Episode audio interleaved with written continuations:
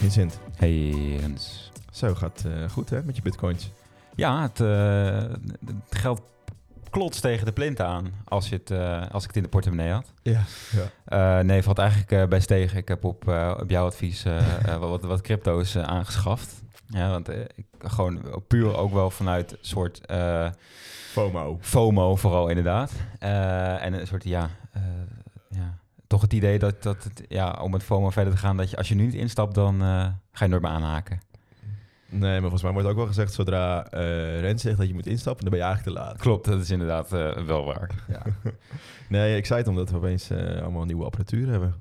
Oh, op die manier. Dikke microfoons. Ja, ja, dus als jullie denken van nou, we horen die jongens nog beter, dan, dan weet je waar het ligt. En denk je van nou, ik weet niet wat dit is, dan gaan we het gelijk terugsturen. Dus Ja, dit is een soort... eh, we moeten zelf nog even een beetje achter de juiste instellingen komen. Maar volgens mij, eh na ongeveer een hele zondagmiddag priegelen, ja, zijn we erachter. Ja. Zijn we erachter. Nee, maar goed, eh, fijn. En ja, mooie nie- nieuwe microfoons, mooie koptelefoontjes. Dus het wordt steeds professioneler. Klopt. En wij worden ook steeds professioneler. We zitten nu de, de radio op de hielen. hey, we nemen dit op op woensdag, ehm, of woensdag, do- eh, zondag eh, 14 maart. En eh, aanstaande woensdag is nou, natuurlijk de, de verkiezingen. Ja. Een feest eh, voor de democratie. Ik moet altijd denken, als het verkiezingen zijn, dat we dan vroeger van onze maatschappijleraar kregen we altijd snoepjes. Want het was altijd ging tracteren, want hè, de, de democratie was een soort van, eh, van jarig. Ja. En, eh, en dat moet je vieren, want daar zijn we, daar zijn we blij mee. En eh, nou, woensdag is het ook weer zover. Dan eh, zi- zit ik alweer helemaal klaar voor eh, Herman de Scherman en, alle, en alle peilingen. Ik ben heel benieuwd. Waar kijk maar- jij altijd het meest naar uit? Dan, als het gaat om, om de uitslagen? Wie als eerste is. Ja. Of gemeente Roosendaal. Schiermonnikoog. Schiermonnikoog. Ja, ja precies. Nee, dat is ook wel mijn... ja. Nee, geen idee. Eh, ik- weet niet even niet zo goed. waar- Bij de Amerikaanse verkiezingen hebben we natuurlijk bepaalde van die swing states die eh, bepalend kunnen zijn. Dat hebben we natuurlijk in Nederland niet echt. Dus Nee, weet- ja, weet ik niet. Of, eh, Iedereen is een swing state op zichzelf. ja, klopt. En ik zag vandaag ook al zo'n zo'n peiling dat eigenlijk volgens mij bijna alle gemeenten in Nederland daar, daar zou, als het zo doorging, de VVD de, de grootste worden. Dus wat dat betreft, ja. ja. Oké. Ja. We gaan het zien. Maar wij dachten, dit is wel een mooi, eh, een, een mooi moment om even eh, weer dieper in te duiken op de geschiedenis van onze, van onze democratie. ja. En ik had eh, eind januari die serie gezien van de, het strijd om, de strijd om het Binnenhof. Dat was een hele leuke serie van de NTR. met allerlei afleveringen. En in een van, deze, van die afleveringen stond Rutger Jan Schimmelpenninck eh, centraal als een soort van de staatsman van onze, van onze moderne de, de democratie. Of een van de belangrijkste staatsmannen die de- onze moderne democratie heeft mogelijk gemaakt. En ik dacht, oh, daar zou ik wel een keer graag een aflevering over willen maken. Dus dat eh, gaan we vandaag doen. ja. Ehm, maar voordat, ik, eh, voordat we daar naartoe gaan, eh, nog even snel je historische week. Hoe, wat heb, je nog, heb je nog iets historisch gedaan de afgelopen twee weken? Eh, nou ja, iets historisch gedaan, eh, eh, niet echt. Valt eigenlijk tegen. Lastig ook, hè? Eh, het is ook lastig. Het, het, het zijn is natuurlijk historische tijden op zich. Dus eigenlijk alles wat je doet in, is historisch in die zin. Ehm, maar wat ik wel... hè, dan, dan ga, wat, ga, wat ga je dan doen? Dan ga je gewoon thuis zitten, internet lezen, dingetjes. Wat ik tegenkwam, is dat ze ehm, de bunkers van de Koude Oorlog eh, open hebben gesteld. Echt? Of althans eh, leuke filmpjes van hebben gemaakt. En, eh, om te laten zien Oh. hoe dat er dan uitzag. Leuk. Eh, moet, je eens even, moet je eens even opzoeken. Ja. Eh staat op het eh, ehm, van de Rijksdienst voor Cultureel Erfgoed, het YouTube-kanaal daarvan. Ja. Daar hebben ze een kleine handleiding. Kun je, kun je dat eens van binnen kijken. Maar dat zijn de bunkers die ze na de Tweede Wereldoorlog bouwden. Eh, eh, eh, ja, in het geval er een eventuele atoomaanval zou komen, dat daar de ministers heen gingen en nou ja, allemaal belangrijke mensen, podcastmakers. maar wat, wat, wat ik vooral daar, dat is natuurlijk heel interessant en spannend. Maar wat daar vooral interessant aan was, is dat eh, de, de bunkerspecialist van Nederland, Kees van Leeuwen, eh, die, die, die, die schrijft daarover dat je eh, haast, kan spreken van een soort bunkerdesign. Omdat alle stoelen en tafels uitsluitend gemaakt waren voor deze onderkomers. En ze daarom soort unieke interieurs vormden. En wat dus nu eigenlijk zijn, ze- zijn het haast een soort tijdcapsules. je hebt wel van die capsules waar je dan wat in stopt. van Mhm. dat, dat graven ze op over 100 jaar. Uh, uh, dus dat, dat vond ik eigenlijk het interessante daaraan. En dat ze niet uh, standaard het een beetje pro gezellig probeerden te maken, maar dat ze echt een soort nieuwe bunker-interieur hebben, hebben ontwikkeld. Van, van je bouwt een bunker, wat hoort daar dan in? Leuk, leuk. Maar kijk vooral dat, kijk vooral dat filmpjes, Rijksdienst voor Cultureel Erfgoed. Goeie tip, ga, goeie tip, goeie tip, ga ik meteen, meteen opzoeken. Ja, toen ik bij het, ehm, heb ik het al een keer verteld, toen ik bij het Spoormuseum stage liep. Ja, ik moest ook aan denken, ja. Ja, toen was er ook een soort opslag, wat niet een opslag was. Of, of een, hoe noem je dat? Een uh, depot. Ja. In, een, in een bunker in Maarsbergen. Uh, en dat was eigenlijk een bunker uit de, de Koude Oorlog, waar mocht uh, de atoombom vallen, de, NS, de NS-topmannen daar naartoe konden en het spoorwegennet intact konden houden. Dus daar, vanaf daar konden ze een soort de dienstregeling dan doen. En ehm, dat was vond ik wel grappig dat het dan uh, blijkbaar een hele belangrijke prioriteit was. Dus ja, dan, uh, de infrastructuur. Hè? Ja, ja, en dan daar stonden nu allerlei uh, dingen, spulletjes van het Spoormuseum. Ja, ook belangrijk. Ook heel belangrijk, ja. ja. Maar dit, dit, was het echt zeker niet meer in gebruik als een, als, een, als een bunker. Hm. Dat was er voorbij. Nou, leuk, leuk, goed verhaal. Ik ga het meteen opzoeken. Ik zat even ja. ook in, de, in de, of jij moet het ook even in de, in de show notes zetten. Ik zou het even, ik, zou, ik zou het even een, een linkje neerzetten. Kan, je kunt het allemaal zien of misschien kunt je het even plaatsen op, op de oh, socials. Ja. Goeie, goeie. Uh, nou ja, de, de, sociale etiketten gebied mij te zeggen. Hè? Wat, wat, wat, wat, heb jij dan gedaan historisch gezien de afgelopen weken? Niet zoveel, niet zoveel eigenlijk. En ik had ja, eigenlijk ook niks. het was natuurlijk afgelopen maandag was het Internationale Vrouwendag. Ja. En daar hadden we leuke vraag gesteld en er kwamen hele leuke antwoorden op. Um, en ook een paar mensen die zich hebben aangeboden als, als, als leek van de week. Dus nou, die gaan we nog contact of hebben we al contact. Dus die komen waarschijnlijk een keer voorbij. Maar jullie allemaal bedankt voor alle input, want dat helpt ons ook weer. En gisteren was een beetje een bruggetje hier vanuit de Internationale Vrouwendag.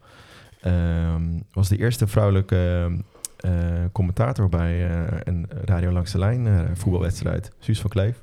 Oh. ik dacht, nou, leuk. Ja, ja, die is wel bekend. Maar ik, nou, dit ja, is, wat was de eerste keer? Ja, dus dat, oh. daarom dacht ik ook. Dat is Ja, dus uh, zij uh, gaf commentaar bij de Eredivisie-wedstrijd Willem II tegen, tegen Heerenveen voor uh, Rijden Langs de Lijn. dacht ik, ja, klopt ook. zijn nog allemaal mannen. Je ziet natuurlijk wel bij, hoe heet dat, ESPN, voorheen Fox Sport, dat er wel wat vrouwelijke mm -hmm. commentatoren waren. Maar ja. Op de radio, op, op onze NUPO, de NPO, was nog geen sprake van een vrouwelijke voetbalcommentator echt. Hè? Wel analist, maar niet commentator. Dus dat was gisteren voor het eerst. Dus dat was wel leuk, ja.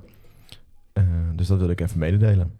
En toen las ik ook nog verder dat Wil Merkies in 1949 de eerste vrouw was op een perstribune bij een voetbalwedstrijd namens de Volkskrant.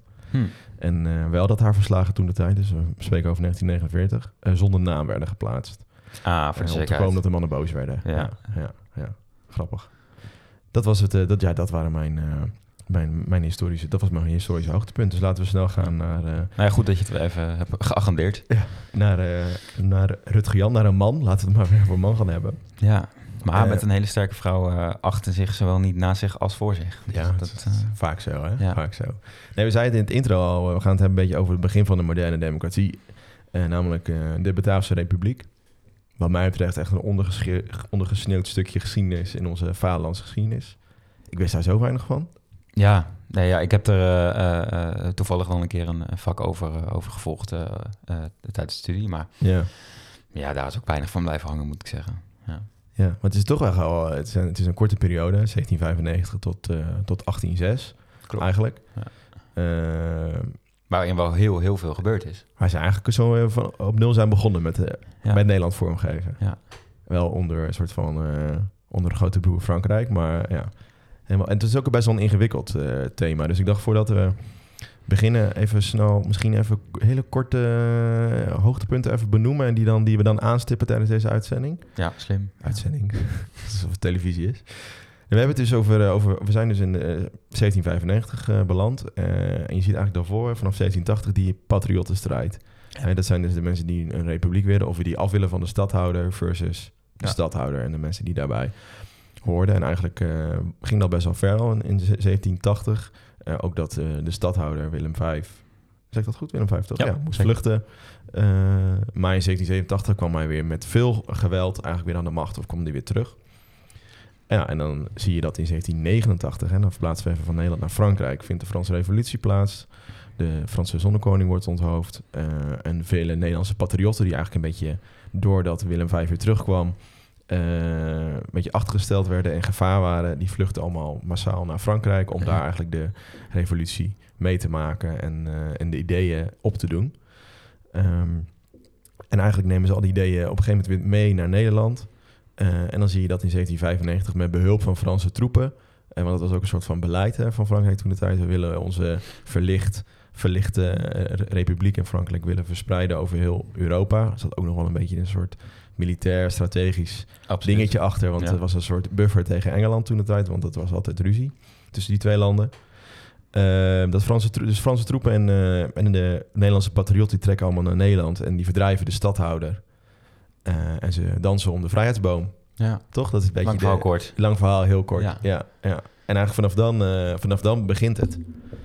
Eh, het hele verhaal van, ehm, van, van, van Rutger Jan en de, en de Bataafse eh, Republiek.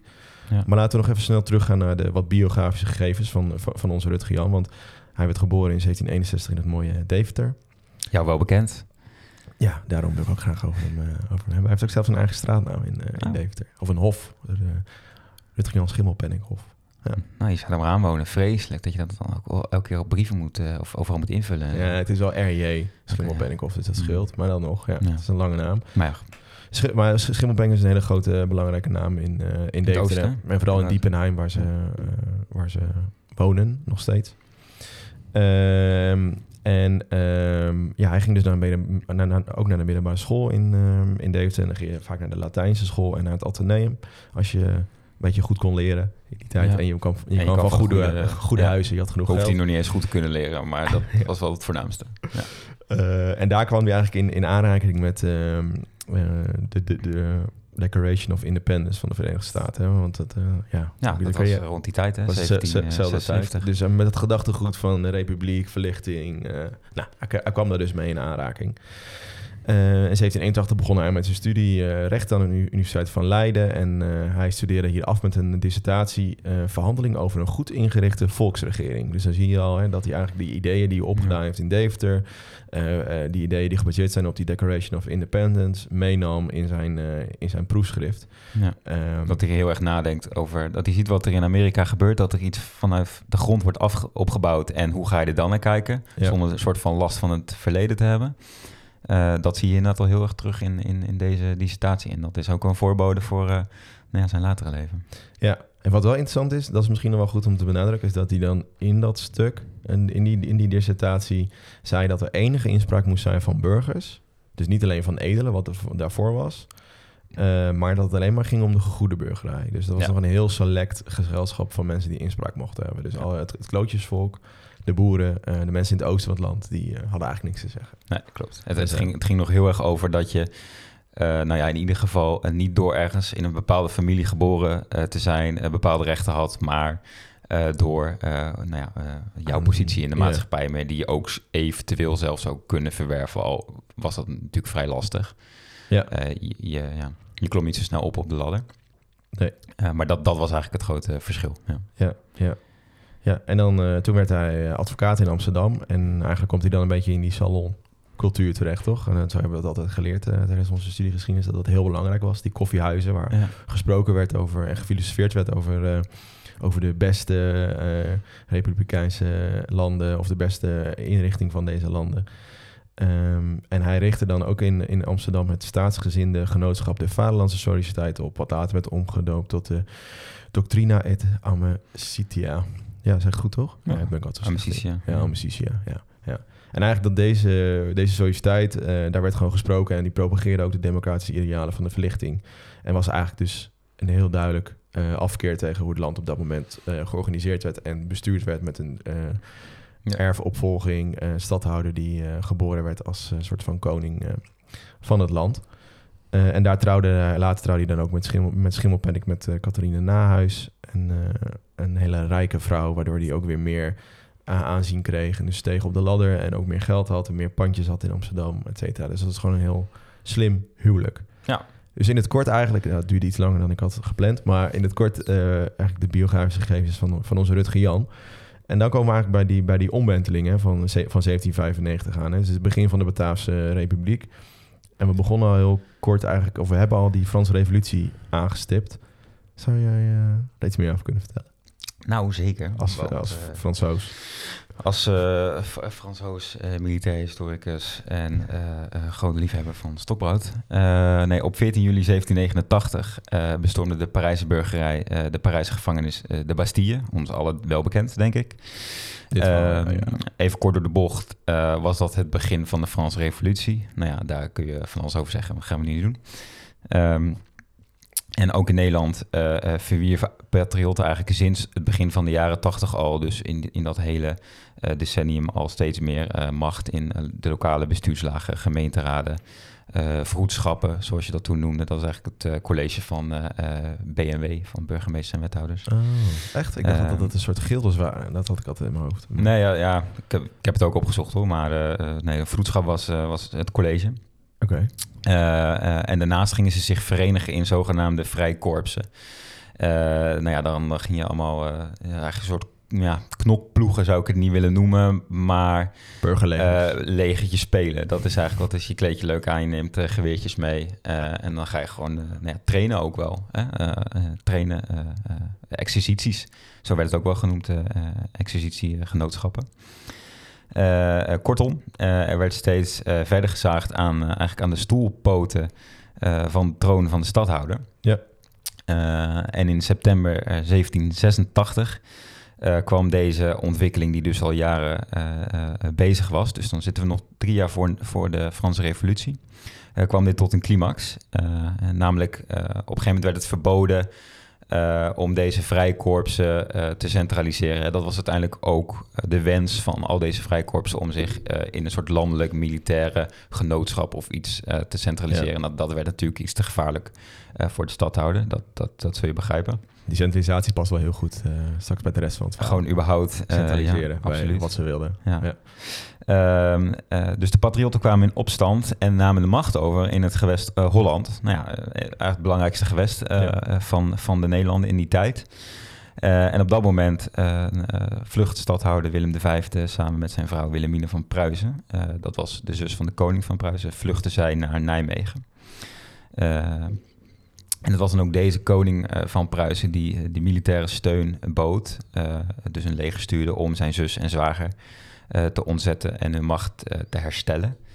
Eh, dus eh, dit werd ook wel de Oranje Restauratie genoemd. Dus de Oranjes werden weer eh, hersteld op hun, op hun troon. Ja, en dat was eigenlijk een beetje het einde ook weer van die patriottenstrijd. Ja, toen ging het weer een beetje liggen eigenlijk. Ja. Hè? Want toen ja, werd het gewoon met behulp van buitenlandse interventie de kop ingedrukt. Ja, en plus ook- het wel een beetje Ja, aan. het was ook gevaarlijk om een patriot, openlijk een patriot te zijn. Ja, dit was ook een beetje die periode dat deze patriotten naar Frankrijk vluchten. Ja. Ehm, nou, dan zijn we dus in 1789, eh Franse Revolutie, waar, we, waar, ik- waar ik mee begon. Eh, en zoals je zelf al aangaf, zagen eh, de Fransen het ook wel als een exportproduct hè, om naar andere landen eh, over te brengen. Eh, en misschien hier en daar een, eh, ook wel een politiek slash territoriaal gewin eh, eh, na te streven. Ja.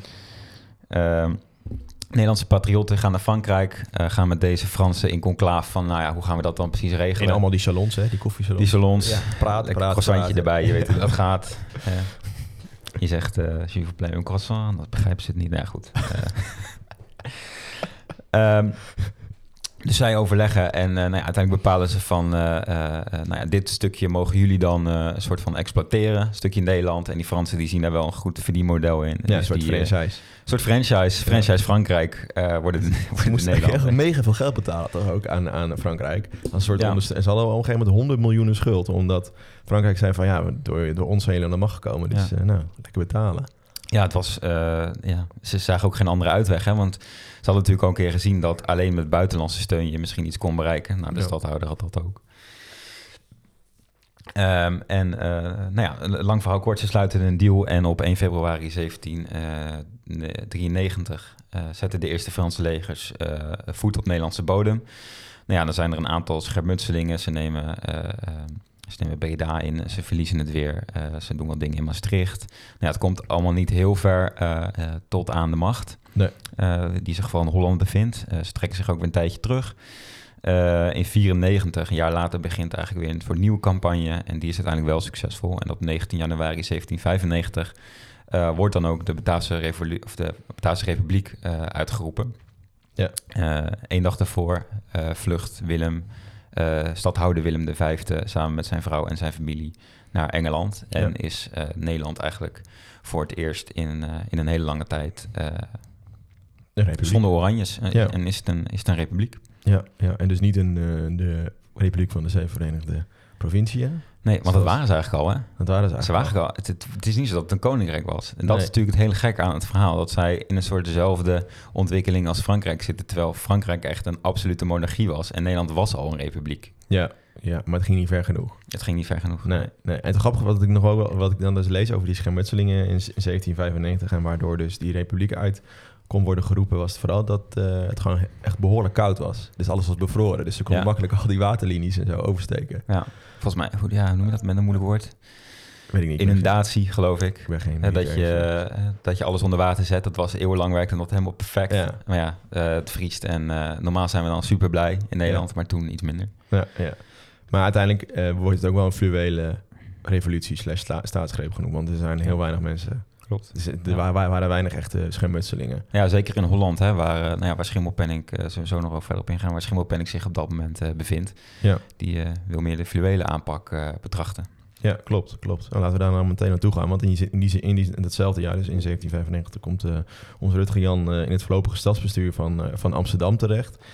En dan worden eigenlijk meteen de verkiezingen uitgeschreven voor een eerste nationale vergadering eigenlijk, of eigenlijk voor volksvertegenwoordigers.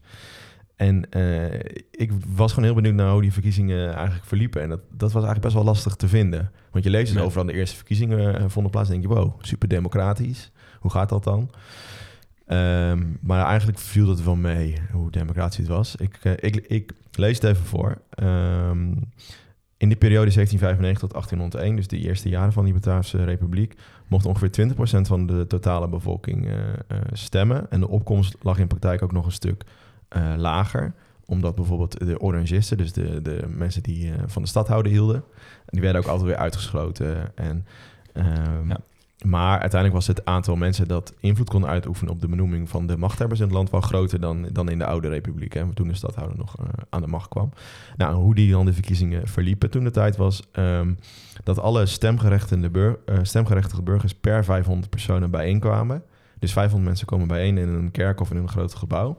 Die groot genoeg was ook voor de gelegenheid. Dat was heel belangrijk. dat staat, heet het overal vermeld. Ik denk, ja, het zal wel iets te maken hebben met uh, brandveiligheid toen de tijd al. Ik denk het wel, ja.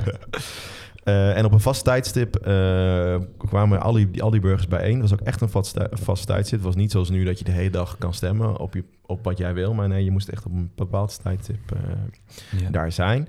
Um, en die mensen gingen dan geheim stemmen. Uh, en ze kozen uit die 500 mensen een voorzitter, een secretaris en een stemopnemer. Uh, die eigenlijk bijhielden of het allemaal goed ging. Uh, of het allemaal goed verliep. Uh, alle stemgerechtigden kregen een genummerd briefje die ze dan inlegden. En daar zetten ze dan de naam van hun keuze op. en die keuze was dan, dat waren dan vaak de edelen al die, die, die bezig waren. Dus allemaal patriotten die, die gekozen konden worden. Heel veel mensen, was een hele grote lijst. Uiteindelijk er waren heel veel mensen gekozen die eigenlijk dat helemaal niet wilden zijn. Zo'n volksvertegenwoordiging, dat was ook heel, heel gek. Okay. Er zat allemaal mensen in die zeiden van ja, schrijf me op de lijst. Maar toen puntje bij paaltje kwam, dachten ze ja, eigenlijk geen tijd voor of andere dingen te doen. Dus dat was, dat was uh, allerlei problemen. Um, uh, en zo ging, werd, er dus, uh, werd er dus gekozen. En deze manier van stemmen eigenlijk, dus niet met die 500 mensen in één gebouw, werd dan de grondvergaderingen genoemd. En er waren in totaal 3763 van die grondvergaderingen, die dan ongeveer zes keer per jaar bijeenkwamen om nationale vertegenwoordigers te kiezen uh, en op een lokaal en professionaal niveau uh, nieuwe bestuurders ook te kiezen. Dus zij, ja, zij kozen gewoon een soort een vertegenwoordiger voor, voor die groep. Ja. Uh, en dat duurde gewoon best wel lang, want ze moesten uiteindelijk dus op zoek naar zo'n relatieve meerderheid. En dat ging dus stemronde naar stemronde naar stemronde, zodat er genoeg mensen afvielen. Dus een beetje zoals bij het CDA, de lijsttrekkersdebat. Hè? Dat ze dan eerst drie hebben, dan twee en dan is de keuze tussen twee. Ja. Maar dan moeten wel weer een relatieve meerderheid zijn. Dus dat was een beetje de, een beetje de manier. Uh, dus nou, dan, oh, door, die, door, door deze manier van verkiezing was er dus in uh, 1796, dus een jaar later, de, een eerste nationale vergadering, een soort voorloper van de Tweede Kamer, zoals we die nu kennen. En het duurde allemaal dus best wel lang voordat het allemaal bij, me, bij elkaar kwam. En het kwam ook eigenlijk dat ze gewoon uh, met alles opnieuw moesten beginnen. Gewoon helemaal, ja, alles moest opnieuw ingedeeld worden en bedacht worden. Ja. Eh, en tegelijkertijd waren er best wel veel discussies ook over en denkbeelden over die nieuwe republiek, hoe dat eruit moet zien. En je leest dan elke keer dat er een soort van grofweg twee groepen waren. Dus de unitaristen, eh, die er gewoon echt één land van wilden maken. En de federalisten, Ja. die nog een soort van macht wilden hebben voor de kleine gebieden. Dus denk aan Gelderland, dat die dan een federatie was van het grote Nederland. Ehm, eh, en eigenlijk zie je ook dat, dat voor sommige mensen was bijvoorbeeld al, als, als de stadhouder verdreven was, dan was het al goed. Weet je, dan was, was men hele, dan was eigenlijk Ja. de republiek al bereikt. En verder hadden ze ook nooit nagedacht. Dus dan zie je dat er gewoon allerlei verschillende denkbeelden. eh, en heel veel oneenheid was ook over de juiste vorm.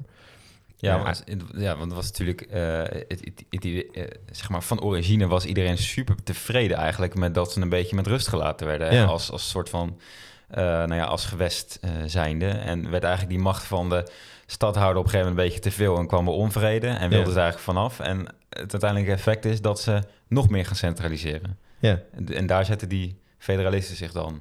ja, ja. en dat Eh, waren eigenlijk dan de gematigde, de gematigde eh, eh, republikeinen. En je hebt dan ook nog de unitaristen, werden dan de hardcore eh, republikeinen genoemd. Ja. Maar eigenlijk wat je heel veel leest, bijvoorbeeld ehm, eh, in dat boek wat wij allebei gelezen hebben, wat ik nu de titel van kwijt ben. Het Bataaf experiment. Ja, het Bataafse experiment. Dat is dus een beetje het standaardwerk over deze hele periode. Dan zie je eigenlijk dat eh, ze wel veel bereikt hebben in die korte periode. Dus er was, werden veel politieke veranderingen doorgevoerd... die nog steeds eigenlijk van belang zijn... zoals de scheiding van kerk en staat... de opbouw van een eenheidsstaat dus, want dat is uiteindelijk wel gelukt... Eh, het vestigen van vertegenwoordigers, eh, het opstellen van de verklaring van de rechten van de mens en de burger, wat natuurlijk eh, uit de verlichting, uit de Franse Revolutie kwam. Maar wat ze eigenlijk wilden was, wat je ziet, is dat al die denkbeelden, ze wilden eigenlijk een soort van klassieke republikeinse democratie vestigen. Eh, ehm, eh, nee, ze hebben uiteindelijk een soort van klassieke republikeinse democratie gevestigd, terwijl ze ook zeiden dat ze een soort li- liberale democratie wilden hebben. Dus ze Ja. gingen oude denkbeelden combineren met hele nieuwe denkbeelden in die tijd. En dat moest dan de vorm worden. Dus ze verwezen heel erg naar de Grieken. En, eh, eh, maar ze hadden ook heel erg dat de, alle Franse ontwikkelingen wilden ze meenemen. Dat allemaal verenigingen, één soort systeem. En dat werd heel gewoon enorm chaotisch. En dat Ja. duurde gewoon heel erg lang. En het duurde zelfs zo lang dat er, ehm, voordat er echt vooruitgang werd geboekt en een echt dus een soort heel politiek bestel was, dat er in 1798 weer een nieuwe pla- eh, staatsgreep plaatsvond. Eh, en onze Rutger Jan eigenlijk in 1997 ook al was vertrokken, want hij zag het eigenlijk niet meer zo zitten. Die hele nationale vergadering en hoe het ook weer zat. En toe. Gewoon gedoe was het, Ja. ja. Allemaal leuk en aardig, maar als je alles opnieuw moet verzinnen en je moet heten met iedereen eens zijn, Ja.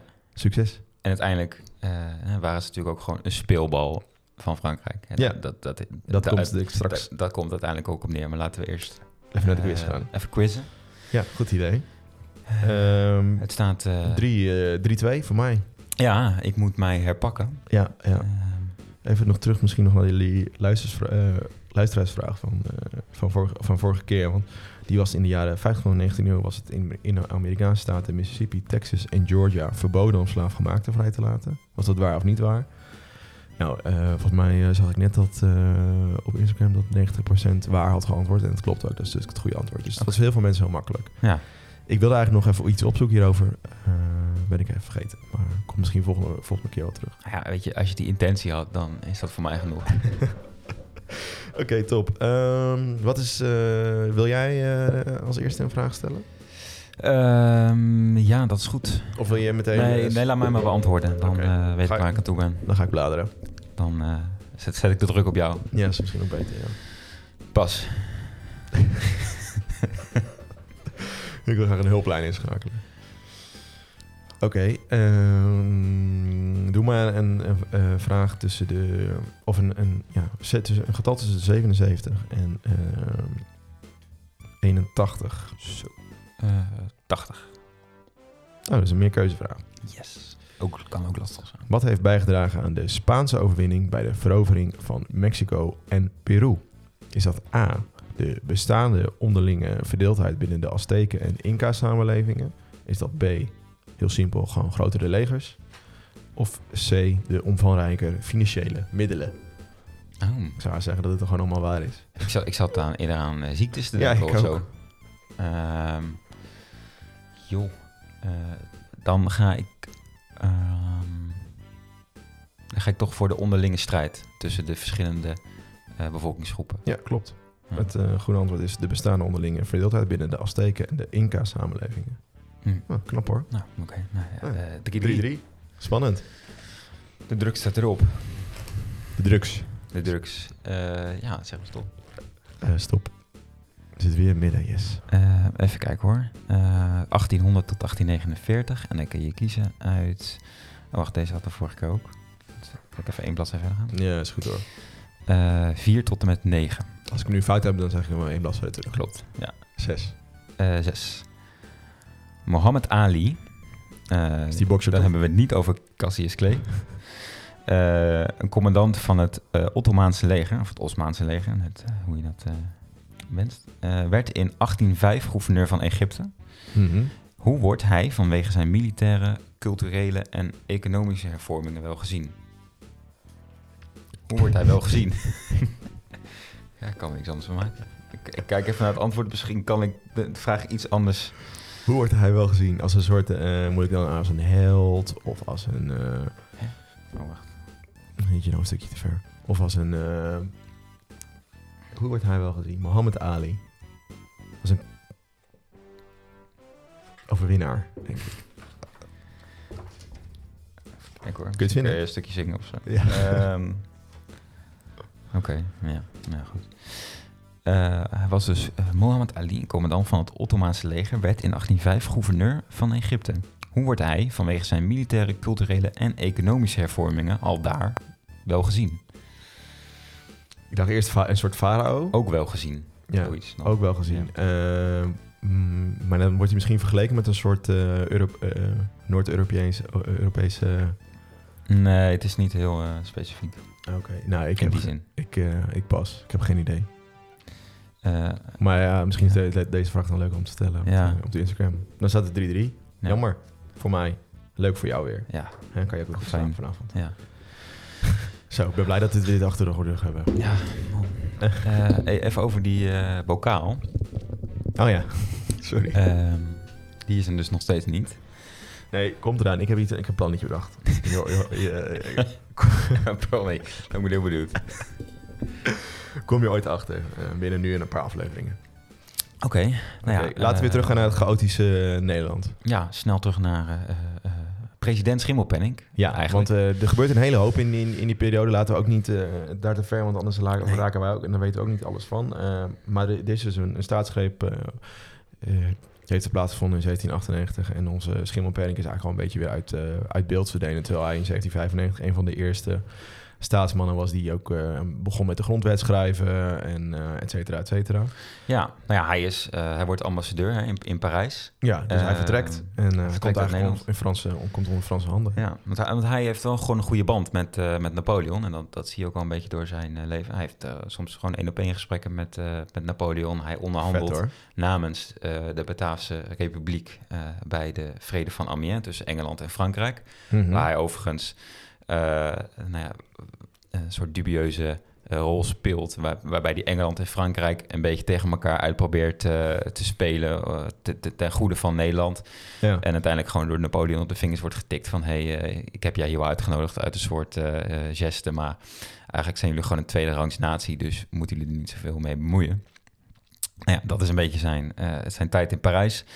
Eh, hij kwakkelt een beetje met zijn, eh, met zijn gezondheid. Ja. Eh, daar klaagt hij ook veel over in de brieven die hij schrijft naar, naar zijn vrouw.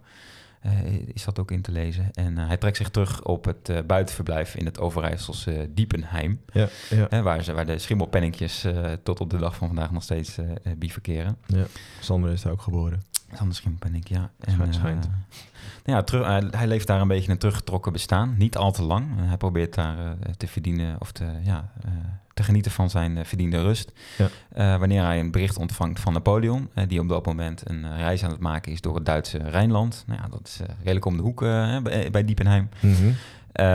Dat hij zich zo snel mogelijk moet melden bij, bij, de, bij, de, bij de keizer. En nou ja, met, hij stribbelt een beetje tegen, hij wacht nog even, hij weet het nog een beetje uit te stellen. En met gezonde tegenstin meldt Schimmelpenninck zich uiteindelijk bij Napoleon. die hem vraagt eh, of hij de nieuwe Nederlandse grondwet eh, wil schrijven. Na die, eigenlijk na die staatsgreep eh, van 1798. Ja. eh, waarin Nederland weer opnieuw haast weer moet worden uitgevonden voor de tweede keer. Ja, klopt. En de- toen, werd er, toen is er ook al een staats- eh, of een eh, grondwet geschreven, maar hij ging hem dan weer opnieuw eh, schrijven. Dus dat was wel interessant. Ja, want het was gewoon, en dat zie je ook de hele tijd, het was gewoon niet naar de zin van Napoleon, gewoon hoe het ging. Er kwam waarschijnlijk gewoon te weinig geld binnen, want Napoleon wilde steeds verdere oorlogen voeren, had steeds meer geld nodig. Ja. De- dus hij ziet daar gewoon te weinig geld vandaan komen en wil dan maar weer een nieuwe eh, grondwet. En Napoleon geeft ook bij Schimmelpenning aan van, nou ja, je moet die grondwet schrijven, maar eh, net zoals in Frankrijk moet daar inkomen dat er een eenkoppige leiding eh, moet komen. Eén iemand die alles nou ja, zover als het kan, in handen heeft om ehm, nou ja, een soort rompslomp, de democratische rompslomp zou ik het haast willen noemen, te voorkomen. Ja, gewoon die, iemand die gewoon beslissingen kan nemen. Ja, gewoon uitvoerende beslissingen. Eigenlijk een beetje naar Amerikaans model. Eh, zo wordt het wel eens omschreven, de Amerikaanse president. Maar dan eh, eh, zonder de checks en balances, zoals ze dat dan noemen, zonder controlerende macht eigenlijk. Ja, eigenlijk een soort Dictator. dictator. Ja. Ja, dat Ja. is... Dat is wel interessant, want Ja. dus hij wordt dus dan een soort dictator, terwijl hij alleen maar heeft gestreden voor het, de macht naar het volk, laat me zeggen. Nou ja, en dat is, dat is ook wel het grappige, want wat je er ook van leest, je krijgt ook wel het gevoel van, eh, wordt hij het niet, wordt het wel iemand anders. En, en dat hij constant, en dan ga je wel een beetje van de hele goede kant uit, maar dat hij eh, constant het beste voor heeft eh, met Nederland en denkt van, ja, laat ik het dan maar doen en het in, op die manier in goede banen leiden. Mhm. Eh, en dat hij dus redelijk dik, op een dictator lijkt, komt ook naar voren. Op een gegeven moment, hij, hij verhuist in 1805. Verhuist hij met zijn vrouw van Diepenheim of, naar, naar Den Haag. En neemt hij zijn intrek in het Paleis Noordeinde. Nou ja, het, het koninklijk eh, paleis vandaag de dag. Huis ten Bos, toch? Of is dat hetzelfde? Nou ja, ja verluist, hij verhuist naar Paleis Noordeinde. Daar gaat hij wonen en hij gebruikt Huis ten Bosch Oh, als, als werk, eh, ja. als werk. eigenlijk tegenovergesteld zoals het nu eh, is. Oh ja. Nu woont de koning op Huis ten Bosch en is Noordeinde het werk, werkpaleis. En dan gaat hij regeren aan het Binnenhof... samen met een paar ministers die hij zelf benoemt. Volksvertegenwoordiging. Ja, er zijn wel een paar mensen die dingen controleren... maar die benoemt hij ook zelf. Eh, dus uiteindelijk eh, heeft hij de totale macht. En eh, ja, een dictator met een beetje monarchale trekjes. Ja. Eigenlijk zoals hij zich ook gedraagt Ja. en zich opstelt. Ja, en hij wordt dan een soort van, de- hij wordt dan door Napoleon de, de raadspensionaris genoemd, een soort van verwijzing naar vroeger. Ja. Ehm, wordt ook wel gezien als een soort van de eerste president. En maar hij bereikt ook wel wat dingen. Hè, hij zorgt ervoor dat er eh, grondbelasting wordt ingevoerd, de kadaster, eh, belastingen op allerlei, op bediende paarden, meubels. Eh, nou, de, het onderwijs wordt verder ge- geïnnoveerd, wat eigenlijk nog steeds, nou, wat, wat Ja. toen de tijd echt ver vooruit liep en dan op de rest van Europa. Ehm, lees je dan overal. En dus hij, ja, hij zorgt wel voor wat, voor wat hervormingen. En die, in die grondwet die hij geschreven heeft, is stond nog steeds, ja, is Ja, later de, ba- basis... eh, van 1848 voor Ja. Ja. Dus wat dat betreft ehm, ehm, bereikt hij wel wat. En dat is wel interessant. Van, ja, En wat ook wel grappig is, dat hij... eh, eh, en en dat, dat komt hier dan ook weer een beetje naar voren. Dat je, heb je soms ook niet het idee... dat je ook denkt, van, eigenlijk zou een dictator gewoon perfect zijn. als hij maar het allerbeste met iedereen voor heeft. En zo werkt het natuurlijk niet, want het allerbeste is in iedereen zijn ogen wat anders. Maar wat grappig is, dat Schimmelpenninck wel een soort dictator is... eh, eh, maar toch, nou, hij heeft de grondwet geschreven en altijd daar al mee bezig geweest natuurlijk met de rechten van de verlichting en dergelijke. Ja. Dat hij wel een soort volksraadpleging wil hebben, dus een verkiezing ja. eh, die, die zijn positie legitimeert. Nou ja, Ja. dat is Gomen Good bij, bij alle dictators van de wereld. Poetin, Lukashenko, noem ze maar op. Eh, eh, die willen toch verkiezingen. Hè? Terwijl iedereen weet, het is één wassen neus. Ja. Eh, net zoals met Schimmelpenning, die wint ook met ja, Noord-Koreaanse taferelen 99 procent. is, uiteindelijk, is uiteindelijk de uitslag ook heel lage opkomst. ja. Waarschijnlijk die orangisten die inderdaad ook niet mee kunnen of mogen doen. Nee, nee. Eh, maar ja, goed, hij bereikt inderdaad eh, ook goede dingen. Eh, de staatsschuld gaat, gaat een, een hoop achteruit. Door flink, flink te bezuinigen wel. Door flink te bezuinigen. Dus ja, Ja. uiteindelijk, wie heeft daar last van? Ja. Natuurlijk de onderklasse. Ehm, maar ja, alsnog houdt hij niet heel lang vol. Nee, want Napoleon is gewoon niet tevreden. Nee, weer niet. We- Nee. Weer te weinig geld. Ja. Hij wil natuurlijk naar Moskou. Ja. Ja. En uiteindelijk is hij dus maar 13 maanden aan de macht. En dan komt, eh, zorgt eigenlijk Napoleon ervoor dat, dat het een koninkrijk wordt. En dan komt zijn broer Lodewijk aan de macht. Ja. En die, eh, die doet het ook niet helemaal goed hoor, maar uh, nee, die ja. moet op een gegeven moment ook weer weg. En dat is wel grappig, want dat is al voordat uh, president wordt, wordt er al gedreigd. Hè, Ja. Met jullie moeten gewoon dit doen, anders worden jullie geannexeerd door Frankrijk. En Nederland wist ook heel goed dat ze daarin geen keuze hadden, want die Franse legers die waren gewoon veel, veel sterker. Van Engeland konden ze ook niks verwachten, die wilden zich daar helemaal niet in roeren. Um, en hier wederom, hè, dus uh, het gaat niet goed met Schimmelpenninck. Napoleon zegt van... Uh, ja, qua gezondheid. qua gezondheid ook. Ja, en ja. is gewoon niet helemaal tevreden. En het wel grappig hoe dat gaat, dat er dan uit Frankrijk een verzoek komt. Of nou ja, een verzoek, eigenlijk een dringend advies. Uh, dat Nederland moet verzoeken aan Frankrijk om een monarch uh, te, aan te dragen, om, om Nederland een monarchie te maken. Ja. En doen ze dat niet, dan worden ze geannexeerd. Dus ze hadden uiteindelijk ook weinig keuze. Maar het is toch, want dat snap ik dus nog steeds niet. Dan, dan ben je, ja, komt natuurlijk ook een beetje door, door Napoleon hoe die Franse revolutie is verlopen. Maar toen werden er juist monarchen afgezet en letterlijk onthoofd. En uh, nu zie je dan weer nog geen elf jaar later dat er dan weer een monarch aan de, aan de, aan de macht komt. Ja. Gewoon het herkenbare. Ja. Ja, eigenlijk, uh, uh, en, en, dat lees je natuurlijk ook overal, zeker met oog op de huidige uh, Nederlandse staats, staatsinrichting, ja. dat daar helemaal, dat schimmelpenning die weg voor de Oranjes helemaal geplaveid heeft. Hè? Want, nou ja, goed, dan loop je weer zo op de zaken vooruit, maar alles wat ook met revolutie te maken had, en dat zie je ook in het latere 19e eeuw, werd gekoppeld aan die Franse overheersing. Ja. Um, dat, dat je daar zo ver mogelijk van weg moest blijven. Ja. En die Oranjes werden, nou ja, zoals meerdere keren in de geschiedenis, weer onthaald als de verlossers, de bevrijders. Uh, nou ja, uh, oh. Willem van Oranje erbij. Uh, nee, je, je, kent het. Eh, en, en, en, en de hele nou ja, constitutionele monarchie bestond toen nog niet helemaal, maar de, de, die weg uh, werd wel ingezet vanaf toen. En uh, de rol Ja. van de Oranjes was verzekerd in het Nederlandse bestel. Zeker omdat na Frankrijk er drastisch uh, uh, op zoek moest naar een soort... wat zijn we überhaupt? Wat is Nederland als natie zijnde? En die Oranjes die zijn daar sindsdien helemaal in ingebakken Ja. uh, en, en, en, en met hun plaats verzekerd. Ja, klopt. En, en alle uh, historici na die Franse overheersing die hebben dat ook allemaal een soort van doodgezwegen, die hele periode. Ja. Dat is pas later weer een soort van opge, afgestoft, dit hele verhaal. En eigenlijk wat voor impact dat, dat heeft gehad. En je leest dan ook in dat boek van het Bataafse experiment dat het eigenlijk pas in dat het vooral door, door, door buitenlandse historici pas herkend is als Ja. dit is super belangrijk geweest voor hoe Nederland er nu, nu uitziet. En dat in, Nederland, dat in Nederland pas sinds 2010 eigenlijk daar een beetje over geschreven en gedacht wordt. Ja, Dat is klopt. toch echt bizar Ja. dat, het zo, ja, dat het zo, oh ja, zo echt ondergeschoven is geweest heel lang. Maar dat komt dus echt gewoon omdat ze een soort van nieuwe, ook weer een nieuwe start wilden maken en gewoon die hele voorgeschiedenis Ja. wilden vergeten. Ja, ik heb, ik heb zelf ook een keer onderzoek naar gedaan naar een eh, eh, dagboek van eh, iemand die in het eh, patriotische leger had gediend. Eh, en daar zie je inderdaad ook dat in de loop van die 19e eeuw schrijft hij het dagboek eigenlijk na dat alles heeft plaatsgevonden. En dan zie Ja. je ook dat die, eh, eh, dat die cultuur van verzwijgen en eh, we gaan nu vanaf nu weer verder met, met elkaar, dat dat daar heel erg ook in dat dagboek zit. Ja, Of als je zijn dagboek zeg maar vergelijkt met zijn memoires die hij later schrijft, dan zie je daar een heel duidelijk verschil in. Dat hij in een dagboek redelijk kritisch is op, eh, op, het, eh, op het, eh, het rijlen en zeilen in, de, Mhm.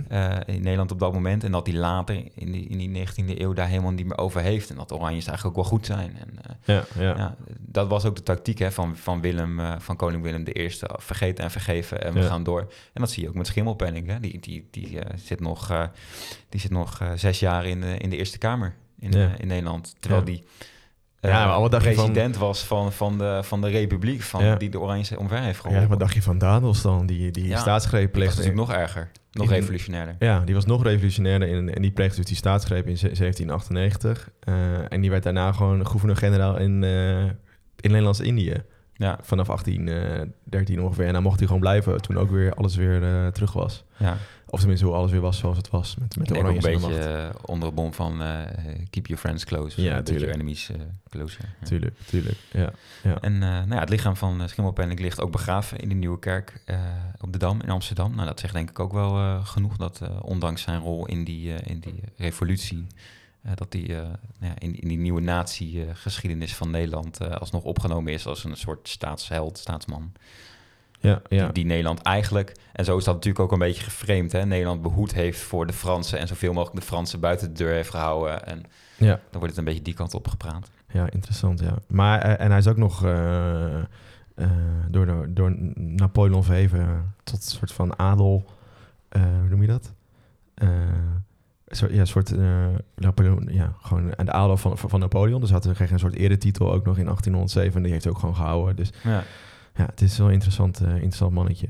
Hm. En dat vind ik wel grappig, dus hoe hij dan nu een beetje eh, herinnerd wordt. En denk dat we dan bij de conclusie ook komen van dit, van dit hele verhaal... is dat hij dus wel echt een hele belangrijke staatsman was... in die, in die vormgeving van die nieuwe moderne democratie. Maar vooral dat hij een soort van consensusman was. Ja. Hij, was hij was gematigd, maar niet zo gematigd als, als de federalisten... Eh, en dat werd hem heel vaak verweten, dat hij eigenlijk nooit een beslissing nam... dat hij gewoon iedereen te vriend wil houden... een soort slime, slijmerd was eigenlijk... Eh, maar je ziet ook dat, dat, die, dat die staatsgreep in 1798, die, die hele, wat hij, alle plannen die hij geschreven heeft over dat gematigde eh, republiek zijn en wel dat eenheidsstaat willen zijn, maar dan wel gematigd, ehm, dat het gewoon overgenomen wordt, dat hele gedachtegoed. Dus dat is ook denk ik ook wel een soort van exemplarisch voor hoe het nu gaat. Hè, we, zijn, we zijn nog steeds eh, Ja. altijd op zoek naar het midden. En Naar de hij- polder. naar de polder. En daar was hij toen ook al mee bezig. Aan het, eh, gewoon aan het uberpolderen op dat moment. Ja. Ja. Dus ik denk dat het wel wel een mooi... eh, ja, dat is gewoon een mooie conclusie, vind ik. Ja. Punt. Ja, we- ja, we hebben zijn eh, vrouw natuurlijk nu niet echt Oh, shit. meegenomen. Dat was ook heel belangrijk. Eh, eh, Punt. Punt. nee, maar wil je, eh, denk je, ja, Rutger Schimmelpenninck, super interessant figuur, daar wil ik meer over lezen. Dan kun je Schimmelpenninck, de eerste president van Nederland, is een boek Ja. van, van Edwina Hagen. Uh, ja, een soort, een soort autobiografie ook. Autobiografie en die, uh, weet dat, dat is echt gebaseerd op de brieven tussen hem en zijn vrouw. En waarin zijn vrouw ook een hele duidelijke rol speelt. Dus zeer interessant. Nou mooi. Volgens mij uh, zijn we bij het einde. Denk het ook. Allemaal stemmen aanstaande woensdag. Ja. Toch? Want ja, of um, als je morgen of overmorgen mag stemmen, of maandag of dinsdag mag stemmen, mag dat natuurlijk, moet je ook gaan stemmen. Maar, Absoluut. Of als je al gestemd hebt per post. Ja, kan natuurlijk ook. Ja. En uh, nou, tot ga, ga, jij, uh, ga jij opblijven? ja, sowieso. Tot, ja, tot het echt bekend is? Ja, meestal is dat wel half twaalf of zo. Dus ja, klopt. Het is redelijk snel. Het is geen... Uh, tenzij het nu drie dagen duurt door al die post stemmen. Dat weet, dat weet je natuurlijk ook niet. Ja. Ga zo lang mogelijk proberen op te blijven. Ja. Jij? Um, ja, ik denk, ja, dat wil dan toch graag weten, hè? Dus ja. uh, ik denk het wel, maar goed. Uh, Straks je wakker geweest in een heel ander land. Klopt. dan uh, pak ik mijn koffers ja. en dan uh, wacht ik tot het reisverbod is opgegeven en dan ga ik gelijk. Gematigd ben je ook wel. Heel gematigd. hey, bedankt voor het luisteren. En laat, vergeet niet om een recensie achter te laten. Volg ons lekker op Instagram of. Facebook. En volgende aflevering is waarschijnlijk meer met een leek van de week. Over een vrouw. Dus dat komt wel goed. Ja, heel interessant, uh, ja. denk ik. Dus, uh, en, denk, en zit je thuis denk je, ik wil de jongens een keer een uh, doosje bonbons opsturen. Moet je ook vooral doen. Ja, zo is het ook. Slijmbal. Oké, okay. hey, bedankt weer. Yo. Hey, dag.